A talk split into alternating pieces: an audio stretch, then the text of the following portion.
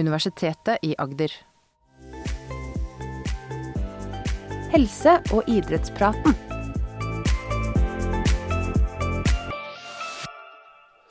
Hei og velkommen til en ny episode av Helse- og idrettspraten. Mitt navn er Silje Grimsli, og jeg jobber som rådgiver på Fakultet for helse- og idrettsvitenskap ved UiA. Der har jeg bl.a. ansvar for alumneordningen ved fakultetet. Ehm, og som jeg sa tidligere, så er denne podkasten og eh, den digitale fagpraten et samarbeid mellom UiA Alumni og etter- og videreutdanningen ved fakultetet. Kort fortalt så er alumni det betyr tidligere student. Og alumniordningen for oss på universitetet og fakultetet er eh, et ønske om å holde kontakt med tidligere studenter. Og egentlig legge til rette for at tidligere studenter kan holde kontakt med hverandre. Det gjør vi gjennom å arrangere seminarer, fagdager, eh, jubileer og sende ut informasjon om etter- og videreutdanningstilbud. Og ikke minst nyhetsbrev, sånn at dere kan holde dere oppdatert på hva som skjer hos oss. Um, skal vi se Hvis du ikke har registrert deg som alum, så kan du gå på uia.no alumni og registrere deg veldig enkelt og greit der. Så i dag har vi fått med oss to gjester. Det er kjempegøy. Den ene gjesten er Elisabeth Hillesund. Du er i utgangspunktet klinisk ernæringsfysiolog og jobber nå som professor i ernæring på UiA. Det stemmer. Eh, den, eh, du har forska mye på kosthold og ernæring eh, i ernæringsmessige utfordrende eller sårbare faser i livet. Eh, og det har jeg skjønt er bl.a. av ungdomsår, eh, før man blir foreldre eller gravid, eh, graviditet og i barnets tidlige leveår. Det stemmer. Ja, så fint. Og nestemann, Kristine Helle. Du er si, egentlig barnepsykiater. Egentlig det. Ja, Jobber som overlege på ABUP på Sørlandet sykehuset i Arendal. Mm -hmm. Men samtidig er du ansatt som postdok her på UiA så er doktorgraden din, som du også avla her, eh, handla om eh, den fasen hvor man på en måte begynner å tilby barn mat. Mm -hmm. Og hvordan på en måte det har noe å si for eh, videre spiseutvikling, kanskje. Mm -hmm. Ja. Um, så har dere begge to jobba, dere har jobba i samme spiseteam på sykehuset tidligere også. Og da handla det om eh, små barn som har spisevansker eller ernæringsvansker. Så vidt jeg kan eh, Du har helt rett. Ja, jeg er helt rett. Ja, men så bra. Men poenget er at det er jo ikke tilfeldig at dere er her for å snakke om kosthold og ernæring eh, i den tidlige fasen av livet. Og jeg er jo veldig interessert i dette. Eh, jeg må si det, jeg har en sønn eh, på snart to år Um, så kan jeg jo sprekke nyheten. Jeg har en til på vei. Uh. så jeg er eh, over snittet interessert. Jeg har nok googla og um, tenkt mer på ernæring og kosthold fra jeg var gravid sist og utover nå, enn hva jeg har gjort før. Så jeg gleder meg masse til å snakke med dere om dette og stille litt spørsmål uh, og få litt svar på ting jeg lurer på, håper jeg. Og det håper jeg også kan, eh, kan opplyse flere enn meg. Eh, dere sendte meg en introduksjon eh, til denne episoden, og da vil dere snakke om da de første 1000 dagene. kost og ernæring de første 1000 dagene. Og hvorfor måte, er de, de første 1000 dagene så viktige? Først har jeg lyst til å forklare hva de første 1000 dagene er. Fordi det regnes fra eh, unnfangelsen og til barnet fyller to år. Ja. Og hvis man tenker på eh, hva som skjer mellom eh, at barnet er en befrukta eggcelle og til barnet er to år, så er det ganske mye. At det skjer en enorm utvikling. Det skjer veldig mye i kroppen, og det skjer veldig mye i livet til det barnet Mm. i den fasen. Så hvis vi eh, først konsentrerer oss litt om hva som skjer i kroppen, så er det jo en ekstrem utvikling eh, altså Selvfølgelig nesten aller mest de første to månedene. Og, men, men, men, vi kan godt trekke inn de første 1000 dagene og tenke at det skjer ting nesten fra minutt til minutt. Eh, og det er selvfølgelig vekst. Fra, fra, ingenting til 12 kilo kanskje ved to års alder. Men så er det jo også alle organsystemene, eller organene, organsystemene, eh, andre reguleringssystemer som eh, skal bære dette barnet gjennom livet. da. Mm. Eh, så det er, det er, på en måte en sånn veldig sånn grunnleggende fase. En, altså nyre Altså eh, veksten av nyrer, veksten av hjernen. Hjernen vokser kjempemye det første, eh, først i fosterlivet, selvfølgelig, men de første to årene. Så den er nesten ferdig utvokst ved to års alder.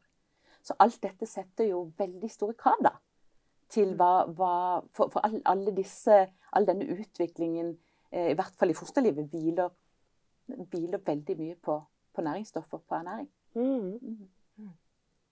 Det er jo kjempe... Og så etterpå så skal jo barnet da selvfølgelig lære å eh, altså Når det er født, så skal det også lære å spise og lære å bli på en måte selvstendig der. Så, det, så de, de, de, tusen dagene har blitt internasjonalt på en måte, hva skal du si, anerkjent som en veldig sånn eh, formende fase da, for mm. langsiktig eh, utvikling. Mm. Helse og utvikling. Ja. Mm. ja. Og det gjelder jo på en måte sånn som du sa, dette her med livet også. altså når du kommer til verden som et lite spedbarn, så har du på en måte ikke bilder av noen ting. ikke sant? Sånn at i hvert fall sånn Alt det du på en måte bygger deg erfaringer videre, det bygger jo på disse her tidlige erfaringene du får. Sånn at det å på en måte Vi forbinder jo mye med mat og måltider, men, men de erfaringene som da kommer tidlig i livet, de er veldig sånn formdannende også for det, da. Også mm. for videre mat, hva man venner seg til å like og ikke like, hva man tenker om hvordan måltider er, og hvordan man spiser sammen. Det blir på en måte et sånn grunnlag også på dette feltet for den videre utviklingen som du gjerne kan ta med deg gjennom hele livet, faktisk. Mm. Mm. Absolutt. Det er interessant. Og det, jeg husker jeg tenkte på det da eh, sønnen min ble født. Eh, han var ganske liten. Eh, og så husker jeg ikke når jeg lurte på om det var fem måneder. Og da var han sånn tripla vekta si. Mm. Og så tenker jeg sånn Tenk om jeg skulle gjort det liksom på tre måneder, det er jo helt hinsides hvor mm. fort de vokser på en måte i starten, og mm. egentlig enda fortere før det, da, men det ser man jo på en måte ikke like godt. Mm. Men det er jo um, det er ganske heftig egentlig hva som, uh, som skjer. Ja. Mm. mm. Eh, for det er jo også veldig mange råd eh, til gravide hva de skal spise, og ikke spise, for så vidt. Eh, men er det sånn at det man spiser når man har barn i magen, eh, nødvendigvis påvirker barnet? Eller kan det påvirke? Eller eh, hvordan er egentlig det? Nei, men Det er et godt spørsmål. Eh, og jeg tenker at eh, eh, det er ikke noen tvil om at barnet Altså, barnet lever av de ressursene som mor har å tilby. Ikke sant? Det kommer, det jo, man kan ikke vokse av noe annet enn, en det som mor har spist. Mm. Eh, men det er nok sånn at eh, at det også har ganske mye å si hva mor har spist sånn sett før hun ble gravid. Altså det, barnet er ikke 100 avhengig av det mor spiser her og nå. Det er jo sånn at mor, det er jo noen som er kvalme gjennom hele svangerskapet og, og, mm. spiser lite, mm. og det, og, og det, kan gå veldig bra likevel. Men, men, eh, men, det blir på en måte en kombinasjon da, av, det, av de lagrene mor har lagt ned gjennom livet sitt, på et vis og det mor spiser når hun er gravid, som sirkulerer i, i blodbanen, og som dermed går over til barnet. da. Mm så, så, eh, så, sånn helt direkte så vokser jo barnet av næringen fra mor. Og det betyr på en måte at, at på en måte, altså ikke, ikke, jo sunnere du spiser, men, men at, at, det er flott at mor spiser eh, et godt og variert kosthold, sånn at alle de stoffene som barnet skal vokse av, er til stede. Mm hvis, hvis, mor mangler stoffer, så, så, er det jo en større risiko for at barnet heller ikke får så god tilgang på de. Mm. Så det er det ene. Eh, sånn, og, det har jo vi også sett. Vi har, har eh, forska bl.a. I, den store norske mor, far og barn-undersøkelsen, og faktisk sett at, de som i større grad lever etter kostrådene, eller liksom litt sånn sunt nordisk kosthold, eh, at de barna blir bitte litt større, i, i, forhold til de som kanskje har et mindre Altså et kosthold med, med mindre frukt og grønnsaker og mindre og lite fisk og alt mulig sånn. Mm. Men den andre måten det kan påvirke på, er at det kan påvirke mors svangerskapshelse. Altså En ting er barnet direkte, en annen ting er at kostholdet også kan påvirke mors helse i svangerskapet. Og da har vi også på samme måte sett eh, at et, et sånt sunt kost som det grove korn og mye frukt og grønt og fisk osv. Eh, ser ut til å beskytte både mot svangerskapsforgiftning og for tidlig fødsel. Og det er klart det er mange andre ting som påvirker også her, men at, at kostholdet også har betydning for mors hvor, hvor, godt mor takler svangerskap og, og, og bærer barnet. da. Mm. Men det betyr også, fordi jeg eh, I hvert fall blant de jeg kjenner, da. Jeg eh, er jo på ingen måte noe um, ekspert eller fag, men jeg liksom tenker på at jeg opplever at venninner og bekjente tenker mer over hva de spiser når de er gravide, enn ellers. At det er litt sånn Man blir litt mer opptatt av det. Man ønsker eh, å spise sunnere, kanskje, for at du vet at det ikke bare er deg sjøl det går utover, da. Eh, men det betyr at selv om du kanskje ikke har hatt det beste kostholdet før, men begynner å spise litt mer frukt og grønt og fisk og diverse når man finner ut at man er gravid, så er det eh, Veldig meningsfylt ja. og riktig lur, lurtenkt. Ja. ja. Og så vil jeg jo også si at altså det, nettopp det du sier der, viser jo at, at, at uh, graviditeten eller svangerskapet er en sånn gyllen mulighet for endring.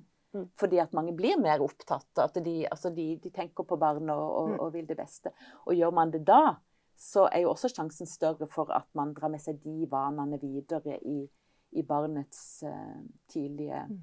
Liv, da. Mm. Ja, nei, men Det er jo absolutt en av livets største overganger. Og særlig i hvert fall hvis du venter ditt første barn, på en måte, så skal jo egentlig veldig mye defineres på nytt. Også litt sånn hvem er jeg, på en måte, og vi skal lage en familie, og det blir, det blir oss, på en måte. Så det er jo det er jo litt sånn en fase hvor man kan begynne å tråkke litt andre sider, eller begynne å gjøre ting på en litt annen måte. Det er en naturlig periode å intervenere også, kanskje. Mm. Mm. Jeg har jo gjort det også faktisk i vår forskning her på UiA, og, og, og sett at gravide når de får råd eller får et opplegg eh, knytta til kosthold og aktiviteter og dette, så, så endrer de. Altså, mm. At de er veldig mottagelige. At de som, som da får et sånt tilbud, eh, endrer Er villig villige til å endre på kostholdet og, og, kan få til ganske mye. Mm. mm. Ja, enda mer enn når man bare på en måte går inn eh, for egen maskin eh, på, en måte på Helse-Norge eller Matportalen. Og, ja, at man gjør det mer når man blir fulgt opp, enn når man alltid må søke etter informasjonen selv. Det vet vi jo mm. for så vidt ikke, men, men, men det jo, det, for så vidt så tyder det jo litt på det at er det litt strukturert så, og du blir fulgt opp, så, så, så er det antageligvis hadde kanskje litt større virkning. Mm. Ja. Hm. Jeg lurte litt på, for Vi vet jo at fosteret selger fostervann. vet du om, om, den maten mor spiser, påvirker den fostervannet? Altså kan, kan også fostervannet ha litt sånn forskjellig smak? Det er faktisk forskning som viser det. Ja. At mors, altså, og, det, Vi kan tenke oss veldig mange forskjellige kulturer og veldig mange forskjellige kosthold. Mm. Og at barn fra, altså der de spiser veldig sånn sterk mat, har en annen toleranse og aksept for det når de blir født. Mm. Så faktisk så, går, så, er det forskning som viser at smaksmolekyler fra maten til mor også gjenfinnes i fostervannet. Og, har, og, da, og når vi da vet at mm. liksom, barnet trenger å eksponeres for forskjellige smaker, så betyr det at du på en måte allerede fra, den, fra svangerskapet kan, kan på en måte vende barnet ditt til det kostholdet som du sjøl er vant til. Mm. Og hvis det, hvis det, er veldig fattig da på smak, mm. så kan det også hende at barnet blir mer kresent og mer uvant. At det, det er en større jobb å vende barnet til. Mm. Så det er jo også en, en, en, type motivasjon. Og kanskje en ganske sånn fin ting fra naturens hånd. da. Ja. Mm. At, du, at, du, allerede da så blir du på en måte introdusert til den kulturen du skal vokse opp i. Mm. mm. Veldig spennende. Ja. Det er jo egentlig det. Ja. Ja. Mm. Men OK, så vet vi på en måte det Men så blir jo dette fosteret født, da, til slutt. Mm. Eh, og så er jo anbefalingen at man skal amme. Eh, det aller beste er morsmelk. Men så er det jo ikke alle som får det til av ulike grunner. Eh, tenker jeg, Hva er det egentlig som er forskjellen på morsmelk og morsmelkerstatning? Og Hvorfor er morsmelk så viktig og så bra? Skal jeg begynne å si litt Ja. om Jeg kan begynne litt å si litt om, altså, om, om selve melka, Mm. på en måte, siden du spør om det. Eh, For dette er jo et stort tema. Mm. Ja. Eh, Men eh, jeg vil, altså, kanskje kan si at morsmelk er gullstandarden. Det, alle er enige om det. At det er på en måte liksom For, for det er liksom naturen som produserer. Og, og egentlig kanskje produserer Altså den melka som du har og gir til ditt barn, den er egentlig litt tilpassa ditt barn og endrer seg litt med tida osv. Eh, men samtidig så syns jeg det er veldig viktig å si at alle produsenter av morsmelkerstatninger de tilstreber å ligne morsmelk så mye som mulig. Så det er masse vitenskap selvfølgelig som ligger bak disse erstatningene for at det skal være trygt for barnet. Og det har skjedd ganske store endringer på det eh, de siste 30 årene f.eks. Sånn at akkurat når det gjelder næringsstoffer og energi og sånn, så, er, eh, så er, tenker jeg at erstatningene dekker, altså dekker godt opp det som morsmelka ville gitt. Mm. Um, og at barn vokser helt fint. Ikke sant? Det er Mm. ikke, noe, det er ikke noe, noe dårligere på den måten. Men så, det, kan, så, så må man jo allikevel si at morsmelk har noe mer. Altså det at mors, altså morsmelka, på, på samme måte som de smaksmolekylene vi Mm. snakket om i stad, så, så, så formidler morsmelka også mors antistoffer til barnet. Altså beskyttelsesstoffer mot sykdom osv. Og, så og det har en del sånne eh, antimikrobielle stoffer altså sånn, eh, som, som skal beskytte tarmen mot bakterier, Mm. styrke tarmveksten og modning av tarmen osv. Så, videre. så så det, det, det, det er mye Det er en kompleks eh, melk, da, med Mm. veldig mange stoffer i, som, som man ikke klarer å, helt, å, helt å etterligne. Mm. Men det, så, så, så, det, så det er noen sånn tilleggsdimensjoner der som, som man ikke kan bare produsere. Ja. Eh, ja.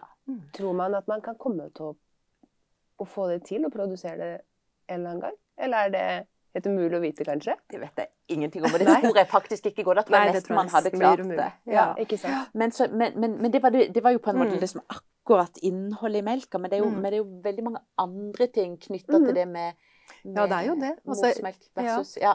ja. Jo, og litt sånn eh, hektet på det du sa i stad i forhold til det med smaksmolekyler inn i fostervannet, så vil jo det samme gjelde morsmelken.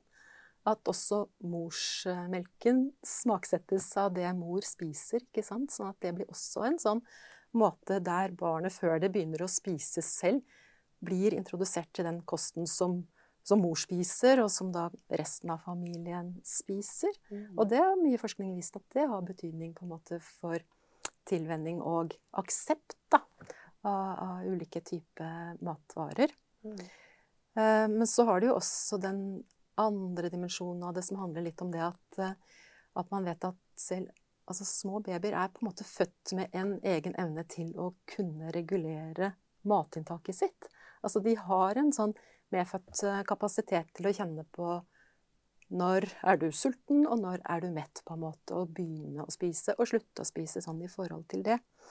Og akkurat det er det på en måte lettere eh, å få til når barnet ammer. Altså, for da må på en måte barnet selv ikke sant, søke og suge, og barnet slipper på en måte brystet når, når det er forsynt.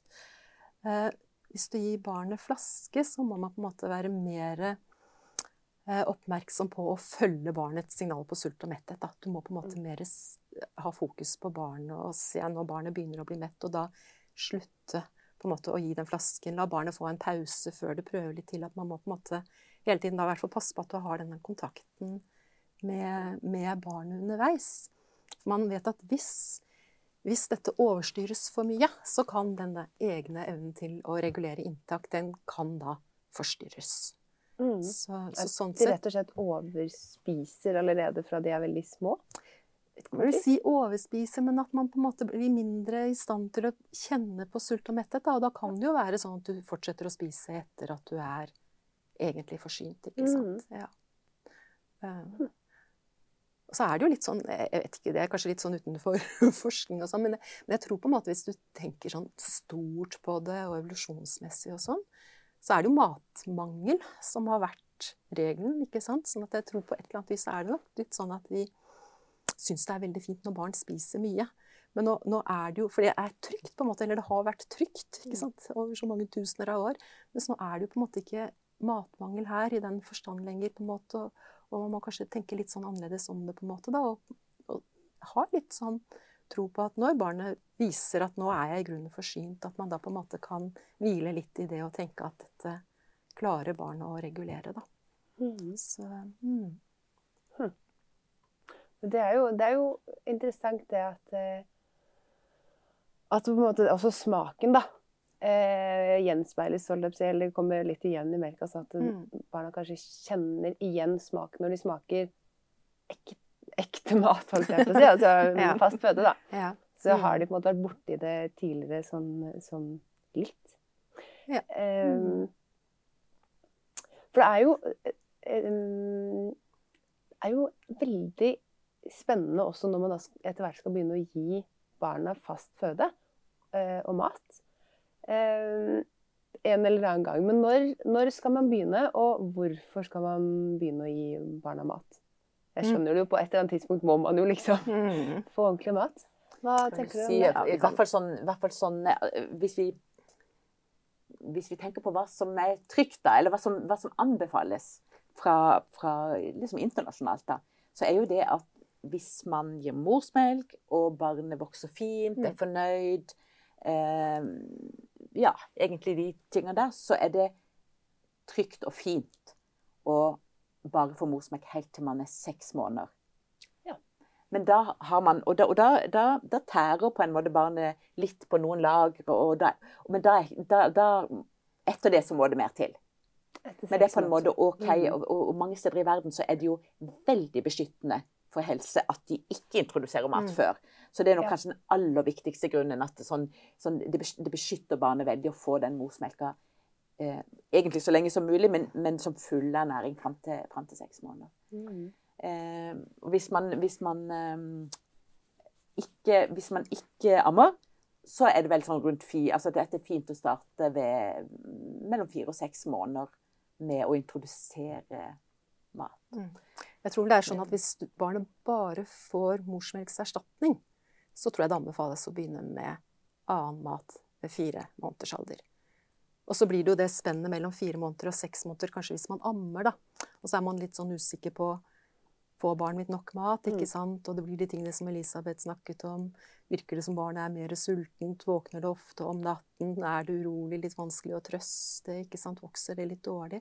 At man på en måte kan introdusere Begynne med dette med, med fast føde. Men tenker at det er veldig viktig å diskutere de tingene med en helsesykepleier på mm. helsestasjonen. De er på en måte veldig opptatt av dette og kan gi veldig god veiledning i forhold til å ta disse valgene sjøl. At man får litt sånn støtte på i hvilken retning man skal gå. Mm. Mm. Ja.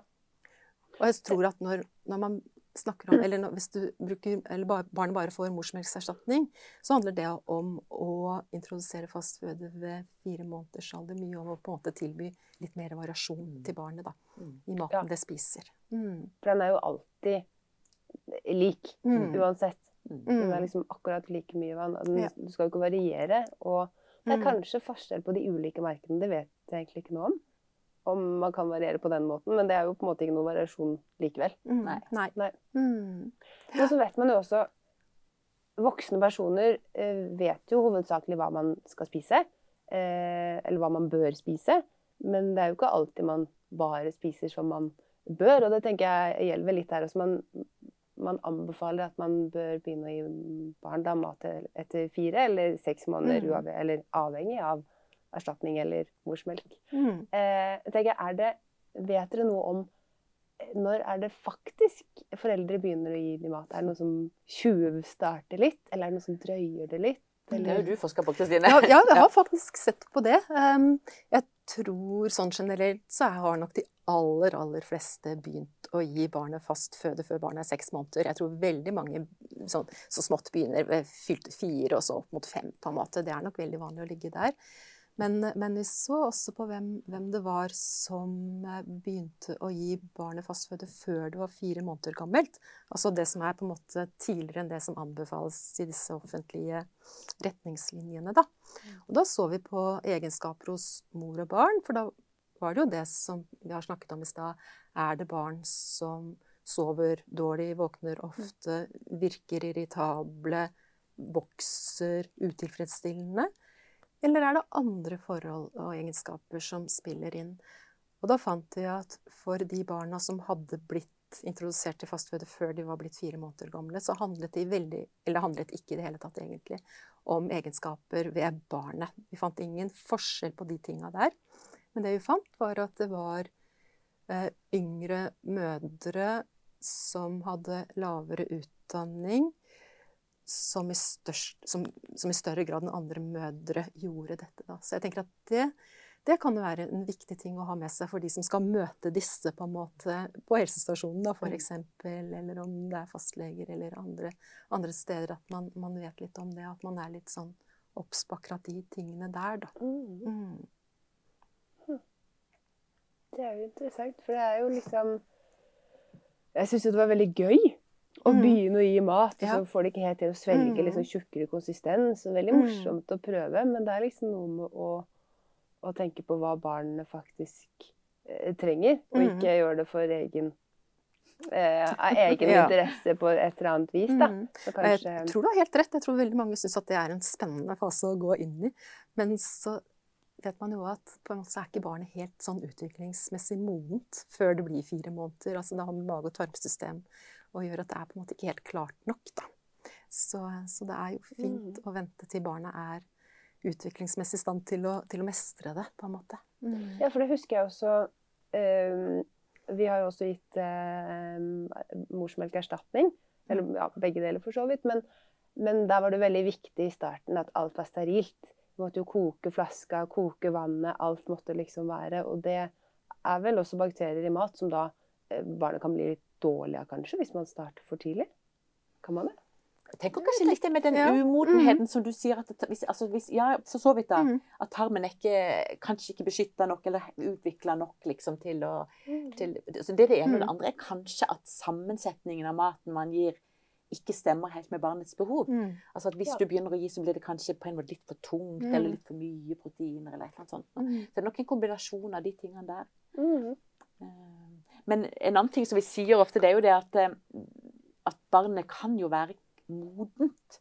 Altså ha litt med barnets modenhet mm. å gjøre sånn, sånn i nysgjerrighet, interesse. Mm. For noen unger sitter og kikker på foreldrene når de spiser. Så det, det er et eller annet mm. at det også er en sånn liten innfallsvinkel, da. Altså at noen barn kanskje er klare for Ikke eh, i. Ikke for fire måneder, men jeg tenker mer når du begynner å nærme deg mm. fem-seks, da. Ja. Mm. ja. Det er nok også stor forskjell, sikkert. Absolutt. Um, ja, så begynner de å spise, da. Eh, etter hvert. Og så blir det jo Altså, jeg, jeg, tror at det kan være en av de største bekymringene hos eh, foreldre, i hvert fall blant de mm. foreldrene jeg kjenner. Eh, barnet nekter å smake, nekter å spise. Kaster gjerne liksom maten og skje og alt, og bare ikke Vil ikke ha.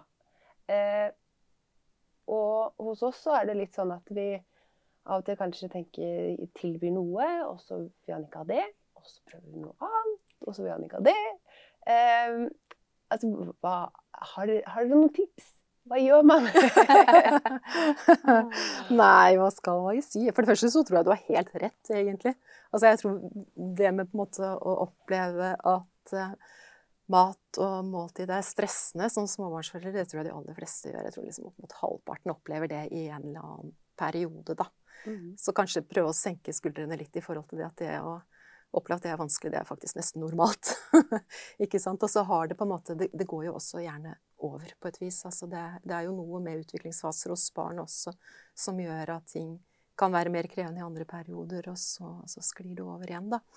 Men hvis du tenker sånn i forhold til om noe av det kanskje kan forebygge, så handler det jo igjen litt om det med å på en måte la barnet få prøve mye forskjellig, og la barnet bli introdusert til mye forskjellig allerede fra barnet begynner å spise, egentlig. Eh, og det er jo særlig viktig nå, kanskje, fordi at vi på en måte har et sånt eh, ja, matmiljø, da. Der alt er tilgjengelig hele tiden. Og det er veldig mye av dette her som er så lett å like, på en måte. Men mens det da blir viktig for barnet å lære å like de, de eh, matvarene som er godt for oss, på en måte. Altså lære å like Da tenker jeg spesielt på det med grønnsaker, f.eks.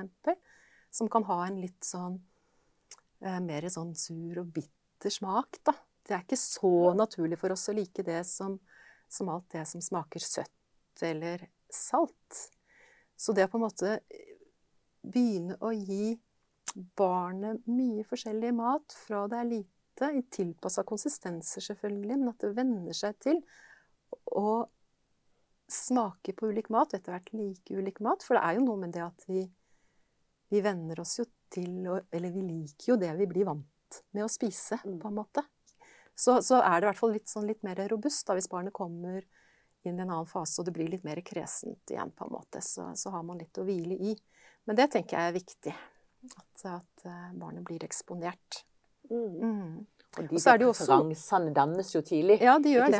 Sånn at hvis vi tenker på hva du Mm. kommer til å like seinere, det er jo også Mm. liksom litt i dette tidsvinduet da, Mm. ikke sant? At, da, Ja. at har du liksom begynt å like grønnsaker, så er det sannsynlig at du kommer tilbake dit igjen, i hvert fall. Ja. Jeg tror det at mye av dette her er sånn etablert i tre til femårsalder, på en måte. Så hva vi liker og ikke liker. Så det er jo, det er jo mye å hente på like gode ting, da. Mm. Og så er det jo noe med at man også tenker at det kanskje er et litt sånt åpent mulighetsvindu her også. At den, den eh, At det er lettere å akseptere nye smaker i denne perioden, da. Enn om man skal på en måte lære seg å like nye ting når man er blitt litt eldre. Så det er, det er liksom litt fint å jobbe med det i, eh, i barnets andre levehalvår, da, kan du si. Fra det er Ja. seks måneder til et år.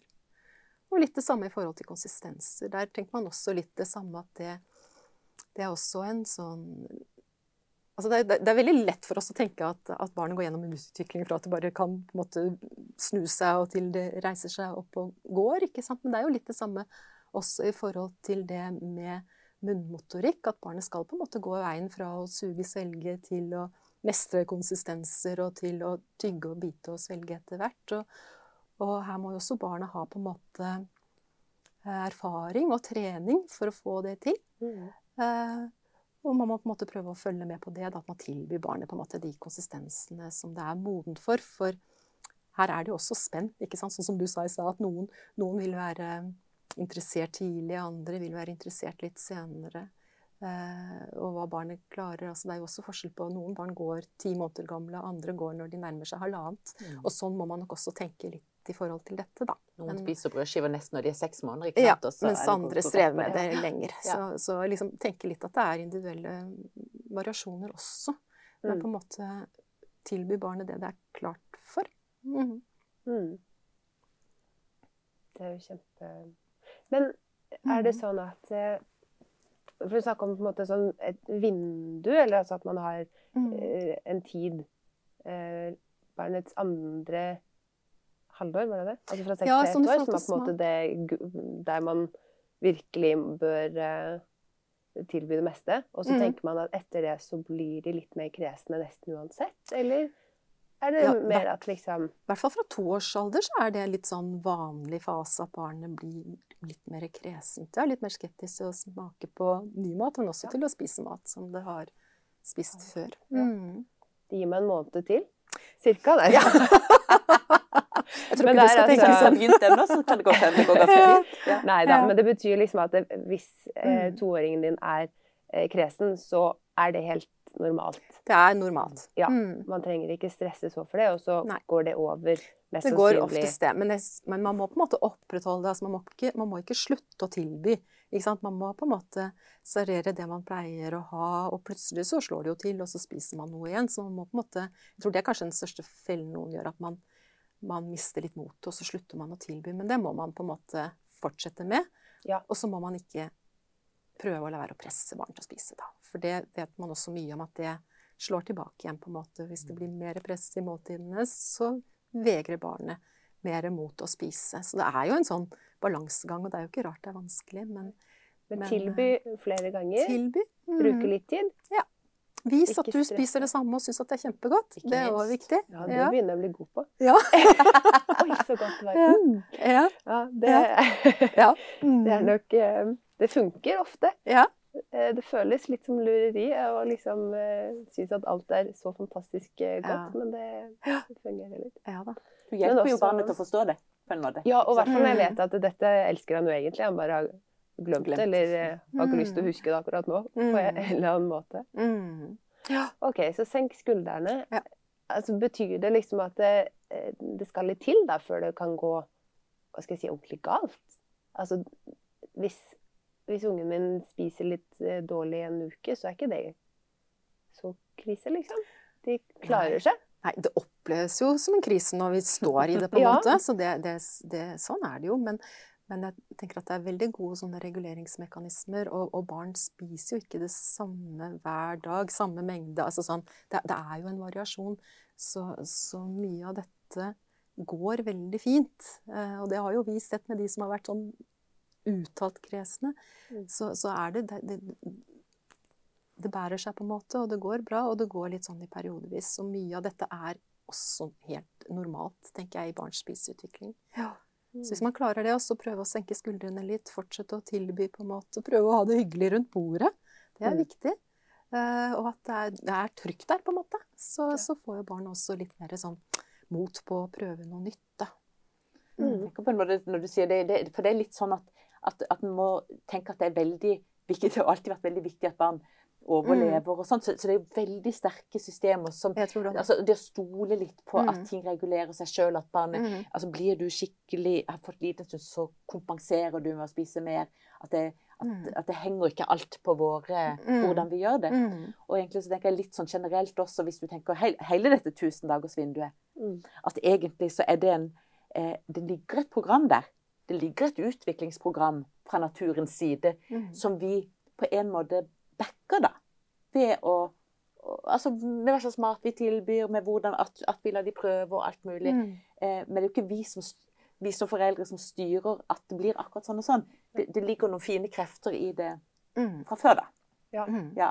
Mm. Også helt... i svangerskap og alt. ikke sant? Mm. Vi, vi, men vi kan på en måte eh, støtte den prosessen som Mm. Med, med, med, gode vaner og mm. gode rutiner og Ja. ja. Mm. Så skal man ikke bli altfor bekymret. Jeg tenker at er, er, man ordentlig bekymret og man lurer på om barnet mitt vokser som det skal, så må man jo på en måte ta det opp. Og ta det til helsestasjon eller diskutere med fastlege eller sånn. Men, eh, mm. Men gjør det det, trives barnet og har, vokser som det skal, så, så kan man nok senke skuldre i forhold til mye. Ja. Mm. Jeg tror det er veldig jeg tror det er fint, jeg. Ja. Mm. Å liksom ta det litt, eh, litt med ro. Men selvfølgelig så skal jo barn, barn skal jo vokse. Mm. Um, så det er klart man, man, følger jo med på det mm. automatisk eh, hele, mm. hele tiden, egentlig. Men jeg tror Altså, det, vi, vi skravler. Ja. Det har vært kjempefint. Men jeg tror rett og slett Jeg må bare si tusen takk for at dere kom. Det har vært eh, veldig, veldig interessant for meg å få litt tips. Høre hvordan ting egentlig uh, fungerer, og hva som er uh, lurt og i det hele tatt. Så takk for i dag. Neste episode av Helse- og idrettspraten sendes første torsdag i november. Takk for oss, og på gjenhør.